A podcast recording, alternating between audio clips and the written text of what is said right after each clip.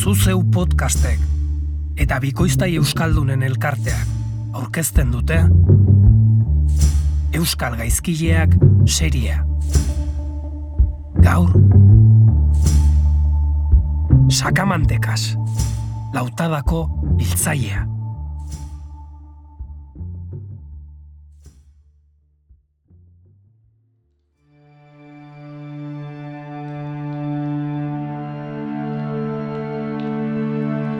Mila sortzi da laurogeita bateko maiatzaren amaika da. Eta gazteizko bolborategi zaharraren aurreko tabernan dago. Aspaldian edan dudan ardorik onena dastatzen. Zergatik eta nire aita azkenean hila delako. Norekin eta bera garrotera eraman duen gizonarekin. Nire aguazilan atarteko hamaika gauza ikusitakoa naiz. Baina aitortzen dizut, Josefa. Lehen aldia dela alaba batekin ospatzen dudana bere aitaren eriotza. Eta guardiako ardorik onenarekin gainera pio. Topa! Erredadila infernuko garretan. Ez altzen handik iritsiko mundura. E, jakin mina daukat, nolakoa izan zen aitaren aurtzaroa.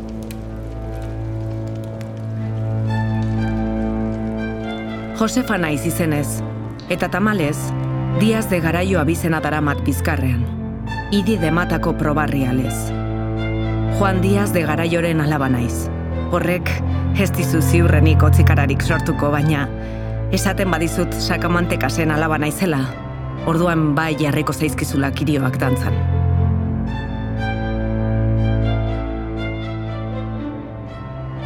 Juan Díaz de Garaio Ruiz de Argandoña, Mila zortzieun da hogeita bateko urriaren amaseian jaio zen egilatzen. Don Emiliagan, arabako lautadan.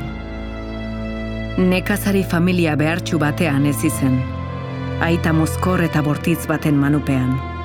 Eta sendi osoaren gixan, umetatik hasi zen lanean. Inguruko amaika herritan ibili zen laborari.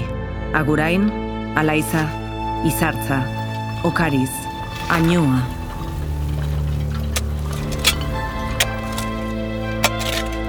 beste batzuen artean, nire amarentzat. Bazituen bere izen abizenak, etxean, ama zen guretzat. Baina kalean zurrumbona esaten zioten. Familia dirudunekoa zen. Eta alargundu zenean ezagutu zuen egilatzeko malapartatu ura bere lurretan lanean. Jainkoak jakingo du zergatik. Baina azkondu egin ziren. Ama, aita baino dezente zaharragoa zen arren, bost seme alaba izateko hastia izan zuten, eta hiru atera ginen aurrera. Candido, Tomas, eta Neroni, Josefa. Ama, amatxo. Josefa, nire Josefa txopolita. Zergatik aurpegi goibel hori? Nire lagunen aitek batzuetan haien seme alabak jotzen dituzte baina musu ere ematen diete. Eta eskutik helduta joaten dira Elizara. Eta besoetan hartzen dituzte. Niri aitak ez dit inoiz musurik eman. Enau besoetan hartzen, ez dit egiten. Maitea, aita lehor lehorra da. Maite zaitu. Baina bere moduan. Ez ez ama, ez dit begietara begiratu ere egiten. Ai, egon lasai, hitz egingo dut berarekin. Zer zaude? Mimo faltan ala? Mm. Ama, zuk maite duzu aita? Seme alabak eman dizkit. Gizon isila eta langilea da. Eta nire adinarekin nahiko eta soberan daukat horrekin. Geroz eta garbiago daukat.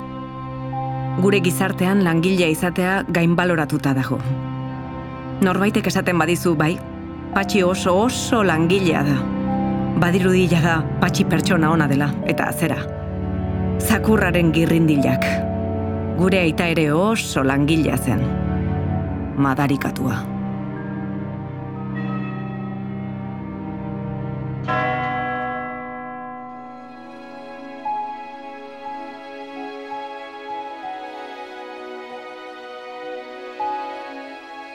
Hil egin zen gure ama. Hil egin zen. Edo hil egin zuen. Batek daki. Orduan ordea. Ez nekien gure aita nolakoa izatera iritsi zitekeen. Medikuak esan zuen amari arnasak gelditu zitzaiola gauean. Baina ez zuen zehaztu galdu zuelako edo kendu ziotelako izan zen. Urkoa hiltzeko burkoa erabiltzea, ez da atzo goizeko asmakizuna.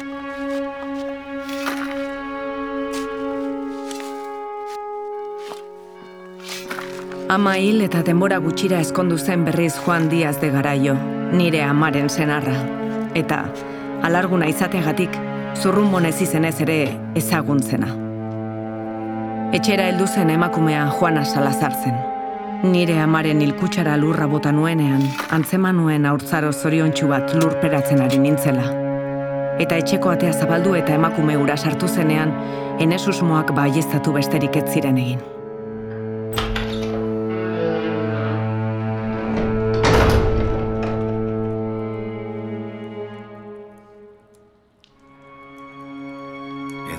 Josefa, edan, gaur merezi izateaz gain behar duzu eta. Eskerrik asko, Pio. Ordura arte esan daiteke zure aitak nahiko bizitza normala izan zuela. Dakigunagatik bederen, noiz bihurtu zen alako monstrua. Nik uste monstroa betidanik egontzela hor, lozorroan. Hibernaziotik irtetzeko gogoz. Eta nire ama zendu zenean, hartzako bazulotik atera zela. Etzen egun batetik besterako kontua izan. Urtetan luzatu zen inkrescendo geldo eta mingarri bat baizik. Bere bigarren emaztea, Juana, egun oro segurtzen zuen. Eta seme alabok jipoitzen ere hasi zen. Eta utzikeriaren besoetara egin zuen jauzi. Geroz eta okerrago jantzen zen. Edanari emana bizi zen une oro, etzen garbitzen. Baina hori bai, oso langilea zen. Juana ere berak hiltzuela susmatzen duzu? Ez. Juana Bastangak eraman zuen, mila sortzi egun da irurogeita marreko hilbeltzean. Ez dakit inoiz Bastangaz gaixotu den norbait hiltzen ikustea tokatu zaizun, baina ez da xamurra. Nire ama ordea zen. Ama ordetan txarrena. Baina hala ere aitortu behar dut. Aitaren aldean aingeru zerutiarra zela joana. Eta zaindu ere egin gintuela. Bere modura. Kalentura izugarri altua izan zuen. Eta bastanga gaixotasun kutsakorra denez, gela batean izan genuen itxita. Kotxaduaren oiu ez oroitzen naiz oraindik. Gure aita mozkorkeriatan zebilen egun osoan etxetik kanpo. Eta nik eramaten nizkion jana, edana eta arropa garbiak. Lurperatu genuen egunean ikusi nion aurpegia. Zornez betetako koskorrez josia. Jainkoak jakingo du zergatik zabaltzen dituen gaixotasun horiek gure artean, baina denontzat hobe izango zen, Juana beharrean. Juan eraman izan balu. Amen. Zer egin zenuen orduan? Neska motza nintzen ordurako, eta osaba izeba batzuen etxera egin nuen ospa. Zaldu ondora. Ez dut uste nire falta asko sumatuko zuenik. Laster heldu ziren nire bi anaiak ere. Bakarrik geratu zen bolada batez? Hilabete bat ere ez. Gure amaren ondasun guztiak jaso zituen erentzian. Gizon alargun eta dirudun batek emakume nekazari pobreak erakartzen ditu. Ala beharrez. Horrelaxe agertu zen Agustina Ruiz de Loizaga murga. Ez dakit etxe hartara iritsi zenerako alkolikoa zen. Baina beno, bestela han bilakatu zen alakoa. Infernutik ies egiten lagun badezake. Ongi etorri izan bedi ardo demonioa.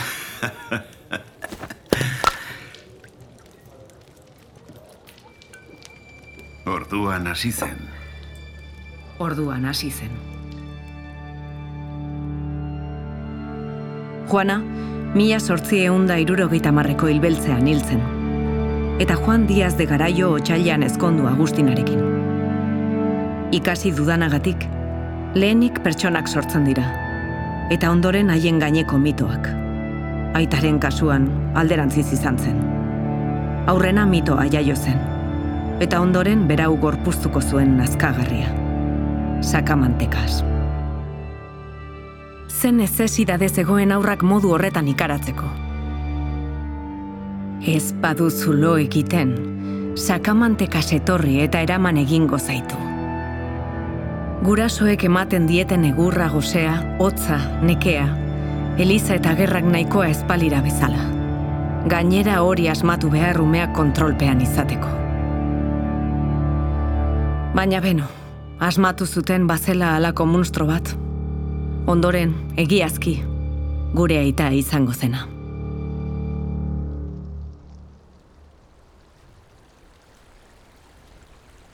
Mila sortzi eunda irurogeita marreko apirilaren bian, hasi zen feminizidioa.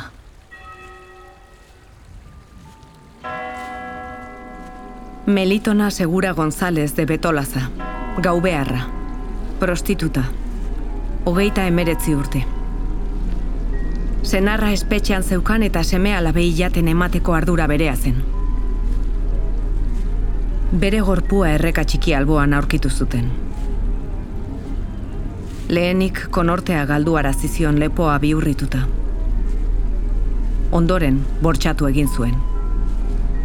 Jarraian errekastoan ito. Eta amaitzeko, sabela irekizion labana batekin.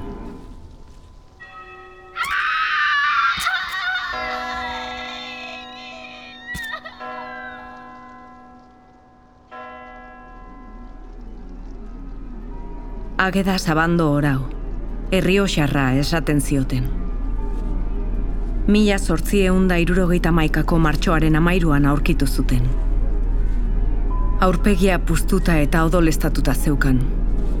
Lepoan ito izanaren arrastoak zituela. Alarguna zen eta eskean aritzen zen. Eta menturaz, prostituzioan ere bai.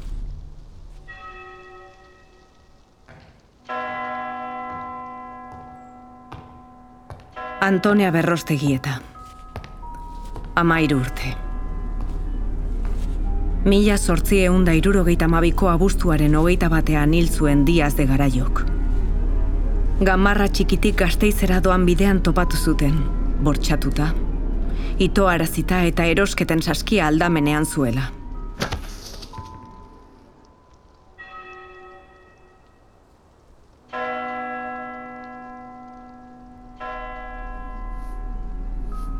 Maria Campos. Beltzarana izenez ezaguna. Hogeita bi urte. Mila sortzi eunda irurogeita mabiko abuztuaren hogeita bederatzean ito zuen. Eta hilerako erabiltzen zuen urkila sartu zion bihotzean.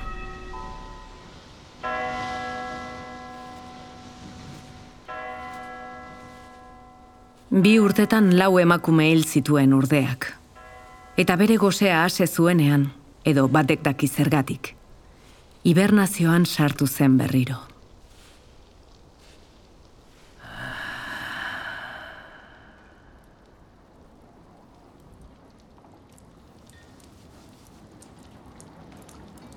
Nik dakidala bintzat, etzen ezaugarri hoiek zeuzkan hilketa gehiagorik izan inguru hauetan. Eta diaz de garaioren eskua, erra zantzeman ezakeen amaierarako. Txerrena. Jateko zerbait ere eskatu beharko dugu ala. Hain beste ardo tartean, fundamentu pixka bat egitegatik, bestela. Zuk bai jakin, hemen bikain prestatzen dituzte babak babazorro erara. Sasoian gaude gainera. Nire izebak ere egiten zituen, saldu ondon. Herriko altzola familia maiz etortzen zen gazteizko andramari zuriaren jaietara. Eta errezeta eraman zuten herrira. Babak, urdaia, txorizoa, baratsuria, tipula, olioa. Oh, tripazorriak egindanago ja. Eta ni lerdea daridala. Zerbitzari? Bi baba errazio, mesedez. Eta izan eskuzabala ogiarekin.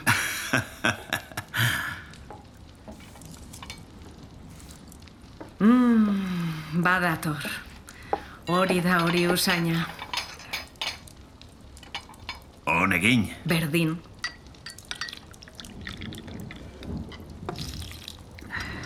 Berdin. Guerek irtendu egingo algintuen biolentziak. Zergatik diozu hori. Ez dakit ba. Hemen ari gara berriketan. Edo nori olio ipurdia jartzen dioten krimen gordinenez, nori eta nire aitari lepoa nola biurritu dioten ikusi eta gero. Eta hala ere, apetituarekin. Jan ta jan. Eriotzak bizirik sentiarazten zaitu. Hori horrela da. Hildakoen inguruko ikerketak egitea tokatu zaidanean, bizia galtzeko gutxi falta izan zaidanetan, edo zergatik ez aitortu, bizia kendu dudan egunetan, gehiago gozatu dut janariaz, loaz, konpainiaz. Eta horretaz aparte, zuk deskantxu ederra hartu duzu gaur. Gauean azpian harrapatzen duzun arkakusua ez da asko mugituko. Uste duzu antzeko zerbait sentitzen zuela zuen aitak egin zituen izugarrikeriak egitean? Harrapari bat zen. Eta gozatuko zuen bere harrapakinaz. Baina ez. Ziur naiz gizon utxa zela barrutik. Sentimenduz laua. Pasiorik gabea. Bere buruarekin ospinduta bizizena. Azkenean guk dakigunez, lau urte pasatu zituen inor hil gabe. Egin zituen saiakera batzuk, hori bai. Mila zortzieun da irurogeita mairuan, emagaldu bati eraso egin zion gazteizko bolborategiaren inguruan. Baina zorionez, soldadu batzuk agertu ziren eta alde egin behar izan zuen. Mila zortzieun da irurogeita malauko ekainean eskale bat bortxatzen saiatu zen, baina inguruko bizilagunek emakumearen laguntza oioak entzun eta berriz ere ospa egin behar izan zuen. Tristea da Andreonen kasua. Beranduago Juan Diaz de Garaio identifikatu zuelako, baina ez zuelako salatu nahi izan. Batek daki zergatik. Salataria emakumea eta eskalea. Eta salatua gizona, lurjabea, ezkondua. Etzion ibilbide askorik ikusiko kontuari. Dena den, ez dut ulertzen pausa hori. Tarte hoiek ez dira oikoak gaizkileengan. Zergatik geldituko zen? Ez dakit. Juana ibisate agertu zelako agian.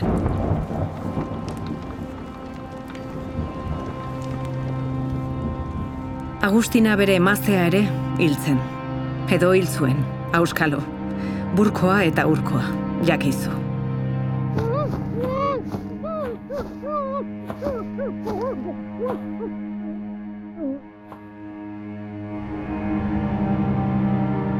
Eta orduan, Juana ibisate agertu zen gure haurtzaroko etxera. Ni ez nintzen pasatu ere egiten bertatik. Baina ize bat arteka herrira joaten zen, eta bertan gertatzen zenaren berri ematen zidan. Juana, senartzat hartu zuen gizatxarrura baino dezente gazteagoa zen, eta ezberdina zen besteengandik. Ez dakit nola esan. Azkarragoa. Ezagutzen duzu mila gau eta bat gehiago ipuin bilduma? Bertan agertzen den xerezaderen antzekoa irudikatzen dut Juana ibisate. Nolabaiteko oreka bat jarri zuen diaz de garaioren bizitzan. Piztia hotzan zuen. Tarte bat ez behintzat.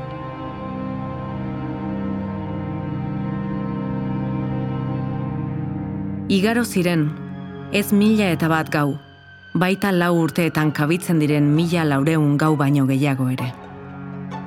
Xerezade honi amaituko zitzaizkion ipuinak behinola. Eta piztu zen piztia.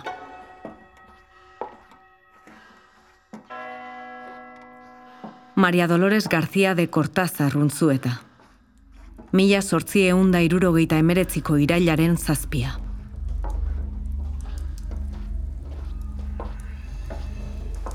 Ordunbreko ikastegian egin zuten topo hiltzaileak eta biktimak.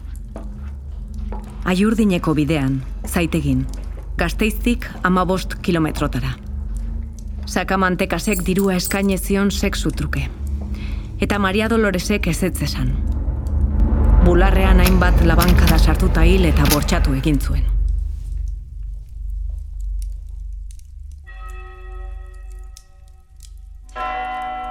Berriro odolaren zaporea frogatutakoan, egarria areagotu zitzaion vampiroari, eta hurrengo egunean ere eizara atera zen.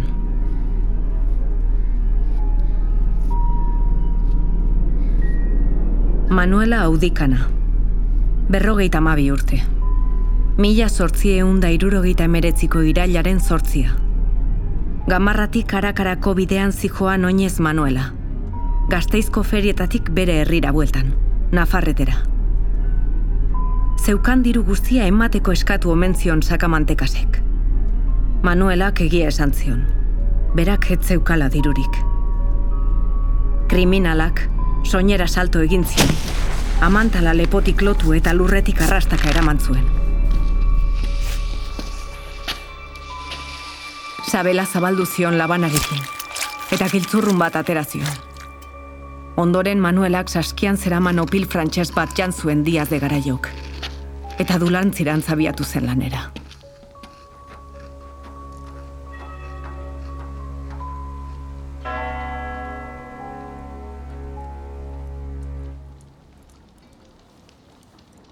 Ja, ederrak zeuden babak. Maiteago dut hemengo baba urrunekoa baino.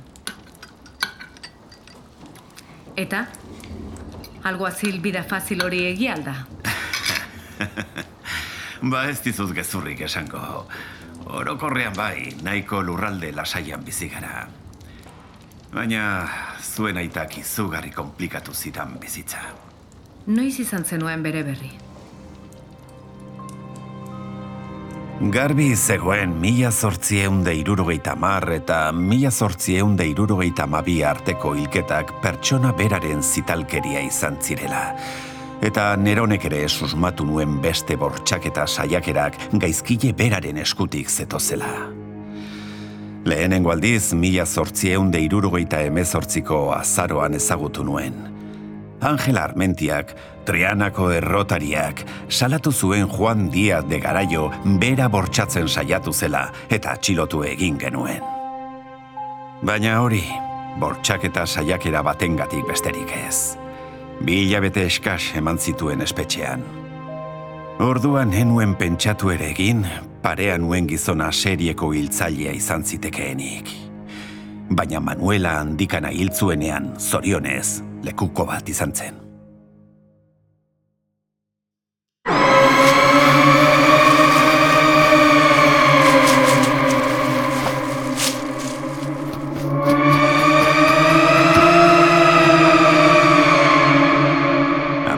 Urteko neska batek guztia ikusi zuen.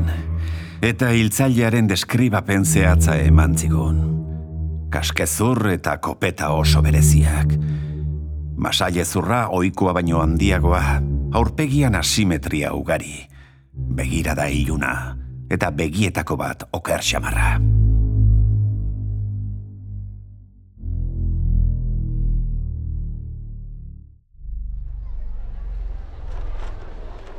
Azaroaren amairuan, gaztizko azokanen bilen bueltaka. Eta orduan, orduan ikusi nuen. Trianako errotaria bortxatzen saiatu zena. Garbi nuen bera zela. Hitzardirik esan gabe gainera egin nion jauzi. Eta kalabozoan sartu nuen. Lehenengo egunak isilik pasatu zituen. Ez zuen ezer esaten. Amaika eztabaida izan ituen nire nagusiekin. Askatu egin nahi zuten. Ta belauniko erregutu behar izanien mesedez, otoi favorez eta harren, ez ezatela libre utzi.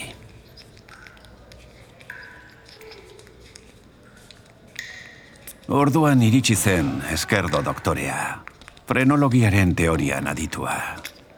Fermuki uste zuen kriminalek badituztela ezaugarri fisiko batzuk komunean. Garunean gehien bat. Ezaugarri horiek jaiotzatik dauzkatela. Eta kriminalen aurrekari familiarrak ondo aztertu behar direla etorkizunean delituak saiesteko. Labur bilduz, gaizkileak gaizkile jaiotzen direla. Dia de garaiorekin izketan hasi zen, eta orduan denon harridurarako konfesatu egin zuen. Bere basakeriak inongo imintziorik gabe aitortu zizkigun. Patxadatxu, lasai. Ondoren bere kartzelako eguneroko bizitzarekin jarraitu zuen. Irakurtzen eta idazten ere ikasi zuen, pentsa. Kartzela zainak esan zidan sakamantekasek ez zuela inongo damurik ageri. Apetitu galantaz jaten zuela. sakon lo egin. Eta ez zuela amesgaiztorik izaten. Eta hori gutxi balitz, begirunez eta edukazioz tratatzen zituela kartzela zainak.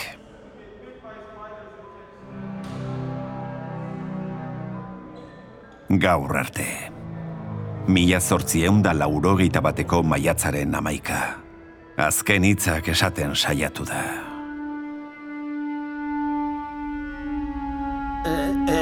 Ez ez, ez dizugu azken hitzak esateko aukerarik emango. Kontatu, kontatu beharrekoak deablari.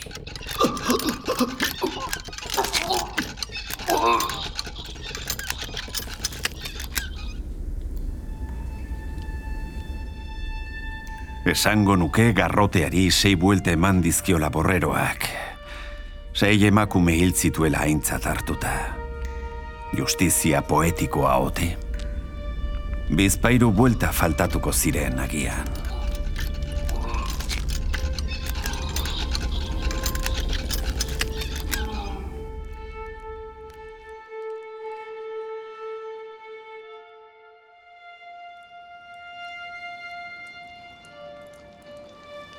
Orain hamar bat mediku izango dira zuen aitaren burmuina aztertzen. Frenologia gora eta frenologia bera. Ze uste dute ba aterako dutela hortik? Ez errez. Hiltzaileen arazoa ez da genetikoa. Hezkuntza kontu bat baizik. Horrela ez gaituzte. Gizonezkoek oianeko legea ezartzen duzue. Eta zuek zarete otxoak. Emakumeok umeak izan.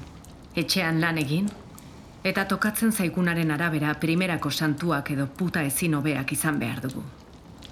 Gure aita, gizon guztiok zuen barrenean duzuen monstruaren espresio gorena besterik etzen. Pentsatzen duzue emakumeok zuek zerbitzatzeko gaudela munduan. Gehienentzat, emakumeak etxeko txakurren parekoa gara. Nire aita bezalakoentzat, eiza besterik ez. Baina sakonean, kaka bera duzu edenok buruan. Hainbeste emakume hil izanaren arrazoia topatu nahi badute mediku horiek, utz diezaiotela nire aitaren kaskezurrean begiratzeari, eta egin diezaietela so igandetako mezei, udaletxe eta kontzejuetako bilkurei, eskolei, poliziari, etxe guztietako eguneroko martxari, eta begira dezatela ispilura. Zuri entzun da esango nuke Parisko komunako aizeek jo zaituztela. Eta ez zinateke okerri biliko. Munstro bat gutxiago dago gaur munduan. Baina batek daki zenbat geratzen diren lur hauetan.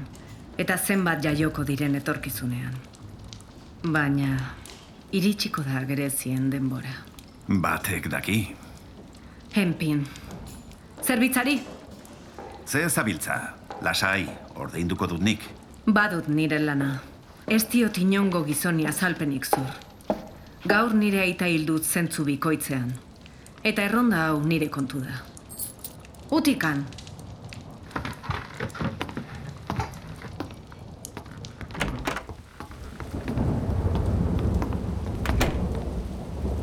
Badakizu zer kematen didan sekulako amorrazioa. Bota? Gure aitaren izena ezagun egingo dela. Juan Díaz de Garaio.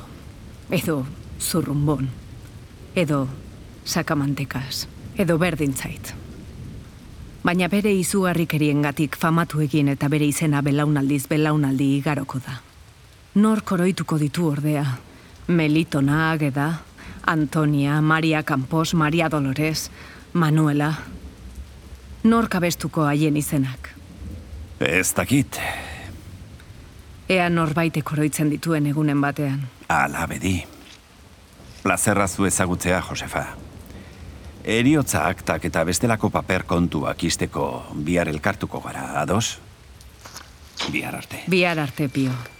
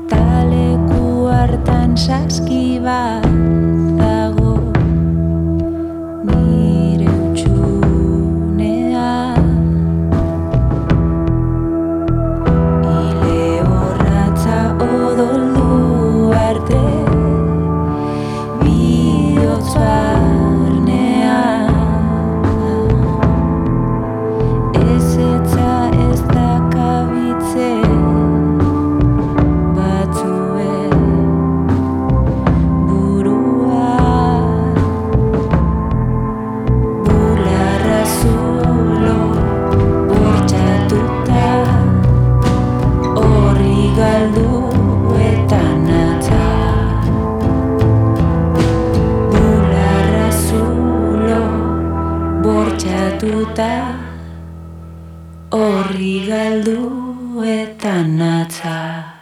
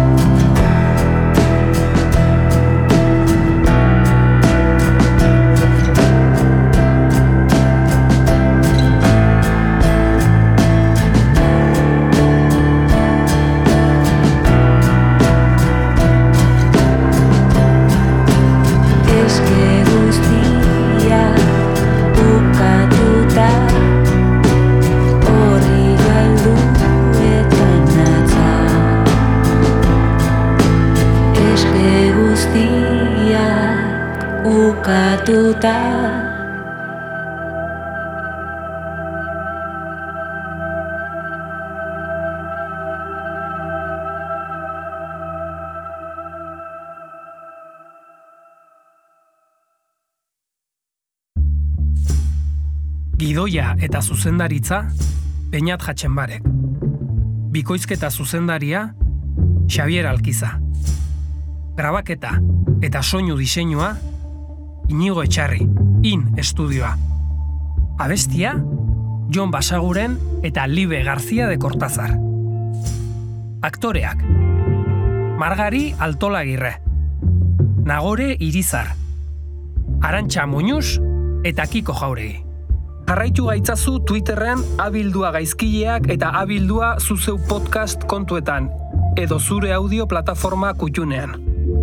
Zuzeu podcast proiektua luzera begirako apustu bezala sortu genuen 2019 hasieran. Proiektuak entzuleak ditu oinarrian, eta entzuleek babesten dute proiektua bera. Horregatik sortu dugu Patreon orrialdea. Audiogintza zuri esker egiten dugulako. Patreon orrialdean hiru arpidetza mota topatuko dituzu. Aukeratu egokiena iruditzen zaizuna, zuzeu podcast komunitatera batu eta proiektua babesteko. Sartu patreon.com barra zuzeupot elbidera eta arpidetu gure edukietara.